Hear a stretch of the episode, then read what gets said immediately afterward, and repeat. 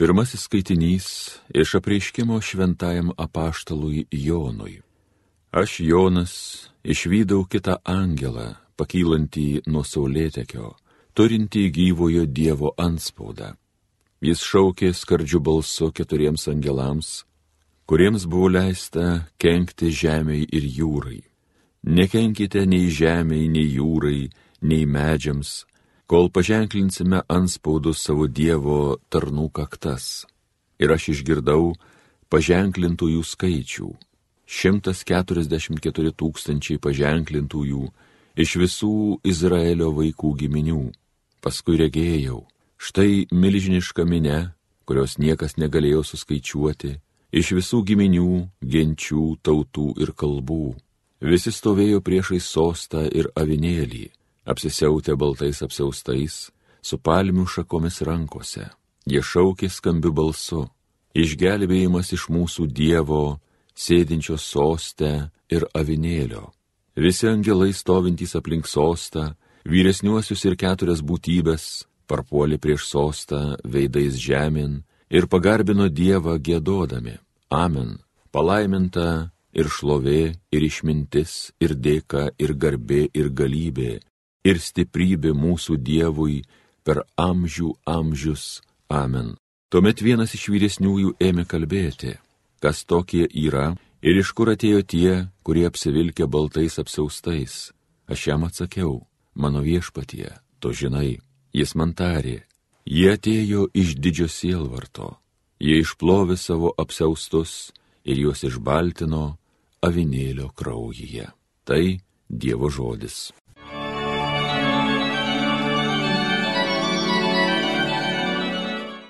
Šitokie žmonės yra išsilgę tavo viešpatie veido. Viešpatie žemė ir kas tik ant žemės, visas pasaulis ir kas jame gyva, juk tai jis jį virš jūrų pastatė, virš upių tvirtą sukūrė. Šitokie žmonės yra įsilgę tavo viešpatie veido. Kas įžengs į viešpaties būstą, kas drys jo šventykloj pabūti, žmogus, kurio rankos nekaltos, kuris turi sąžinė grįna, šitokie žmonės yra išsilgę tavo viešpatie veido. Viešpats šitokį laimins, gelbėtojas Dievas atlygins, šitokie žmonės tikri jo gerbėjai, jie išsilgę viešpaties veido. Šitokie žmonės yra išsilgę tavo viešpatie veido.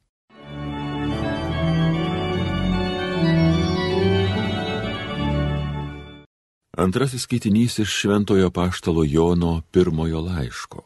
Mylimieji, žiūrėkite, kokią meilę apdovanojo mūsų tėvas. Mes vadinamės Dievo vaikai ir esame. Pasaulis nepažįsta mūsų, nes ir jo nepažino.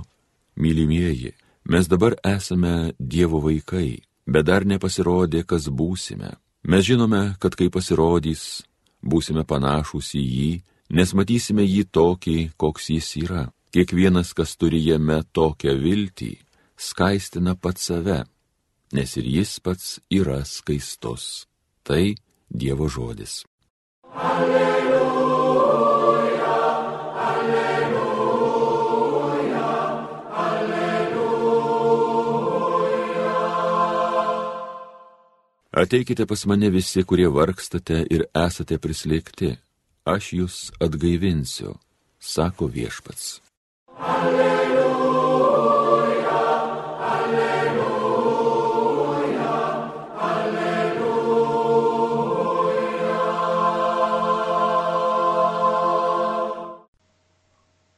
Evangelijos pagal Matą. Matydamas mines, Jėzus užkopė į kalną ir atsisėdo. Prie jo prisartino mokiniai. Atvėręs lūpas jis mokė palaiminti turintys vargdienio dvasią, jų yra dangaus karalystė. Palaiminti liūdintis, jie bus paguosti.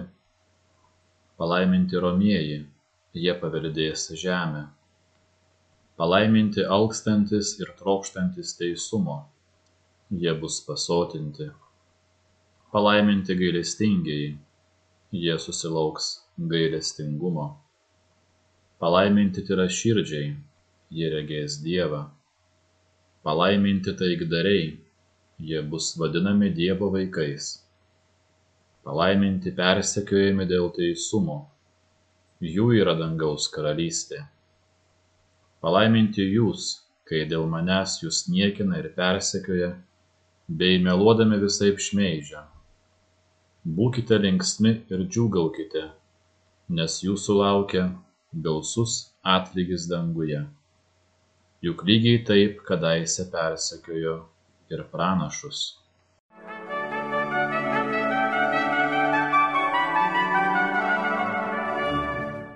Šiandien švenčiame visų šventųjų iškilmę, minime šventuosius ir esame kviečiami mąstyti apie šventumą ir gyvenimą. Kai girdime žodį šventas, nevalingai mumise sukyla visa eilė stereotipų kurie neleidžia mums pajudėti iš vietos. Mastome apie tuos, kurie paukojo savo gyvybę už tikėjimą, kurie nugalėjo nuodėmę, kurie atkakliai atgailavo, nuveikė daugybę didvyriškų darbų, kurie nešė Evangelijos šviesą į tolimus kraštus. Ir kai visų šių tikėjimo didvyrių akivaizdoje žvelgiame į save, į savo įvairiausius trūkumus ir nuodėmes, turbūt jaučiamės kažkaip prislėgti. Kas mes esame jų akivaizdoje? Šią dieną, manau, visų pirma reiktų savęs paklausti, ar aš siekiu šventumo ar ne. Turbūt daugelis nešioja savyje tokią sampratą, kad šventumas tai yra kažkas, kas gyvenimą kažkaip sutvarko ir sustiguoja, kad pagaliau nugalime savo nuodėmes ir silpnybes, jos daugiau jau mūsų nebevargina, gyvename vidinėje ramybėje bei taikoje ir santravėje su visais ir taip toliau ir panašiai. Šios dienos pirmajame skaitinyje apaštalas Jonas kalba apie milžinišką minę, kurie atėjo iš didžio sielvarto. Jie išplovė savo apseustus ir juos išbalino avinėlio krauju. Atėjusi minia buvo tiek išpurvinta ir išvarginta, kad ją reikėjo šveisti ir balinti. Ši purvina minia atėjo pas avinėlį ir tai yra šventųjų minia. Evangelijos palaiminimai taip pat mini tokias šventųjų savybės, kurios niekaip neprimena ramaus ir nieko neblaškomo gyvenimo. Vargdieniai, alkstantis, liūdintys, taikdariai, persekiojami, šmeižiami. Kaip matome, Dievo žodis nekalba šiandien mums apie jokią šventųjų ramybę, bet kalba apie didžią sielvarto apimtus, vargstančius, kovojančius už taiką, nes taikos nėra, liūdinčius dėl neteisybės, persekiojamus ir šmeižiamus. Tai anaip tol nereiškia, kad Dievo žodis kviečia mus tyčia ieškoti bėdų gadinti ir drumsti savo gyvenimus, kad mes pagaliau pradėtume silvatauti. Šventas raštas mums primena, kad šventumas nėra rytojaus reikalų, kai viskas kažkokiu stebuklingu būdu susitvarkys, bet šios dienos, šios akimirkos ir šios konkrečios situacijos iššūkis. Dabar šis momentas, vargas ar priespauda, nerimas ar sielvartas yra tavo šventumo šansas. Tau nereikia keisti šios situacijos, kad pagaliau galėtum pajudėti šventumo keliu. Ši pati nepalankiausia tavo gyvenimo akimirka yra pati geriausia proga būti šventu. Jėzus, skelbdamas savo palaiminimus, išvelgia į mines, į vargšus, į žmones slegiamus įvairiausių trūkumų, tiek moralinių, tiek materialinių, ir vadino juos palaimintais, tai yra tikrai laimingais.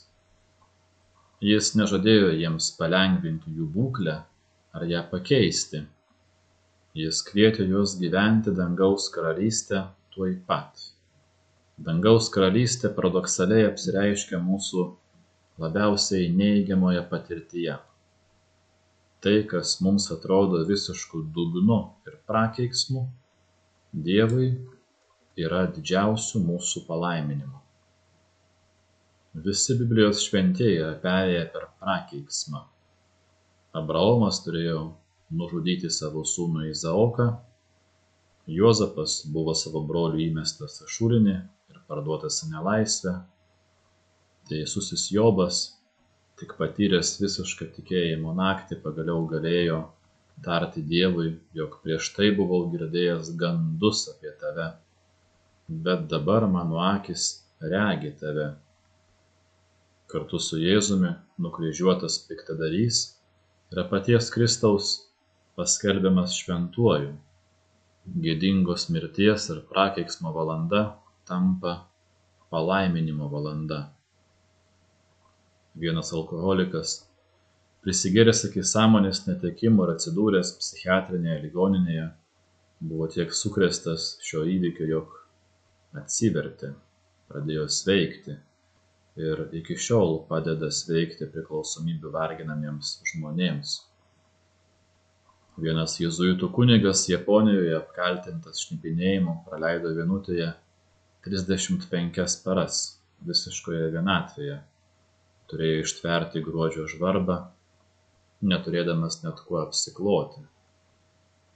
Vėliau liudijo, kad tos 35 dienos buvo pačios reikšmingiausios jo gyvenime dostojevskis tik gavęs mirties nuosprendį kuris pačiu paskutiniu momentu jam stovint priešais nutaikytus į jį šautuvus buvo pakeistas ilgus kalinimo ir katorgos metus tik po šios patirties parašė pačius brandžiausius savo gyvenimo kūrinius.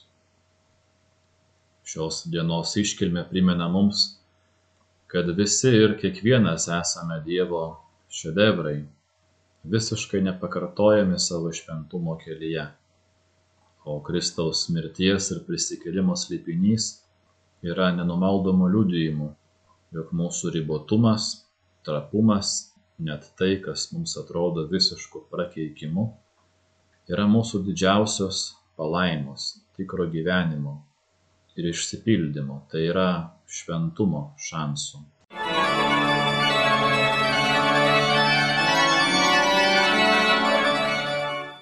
Homilija sakė kunigas Vladimir Solovėjai.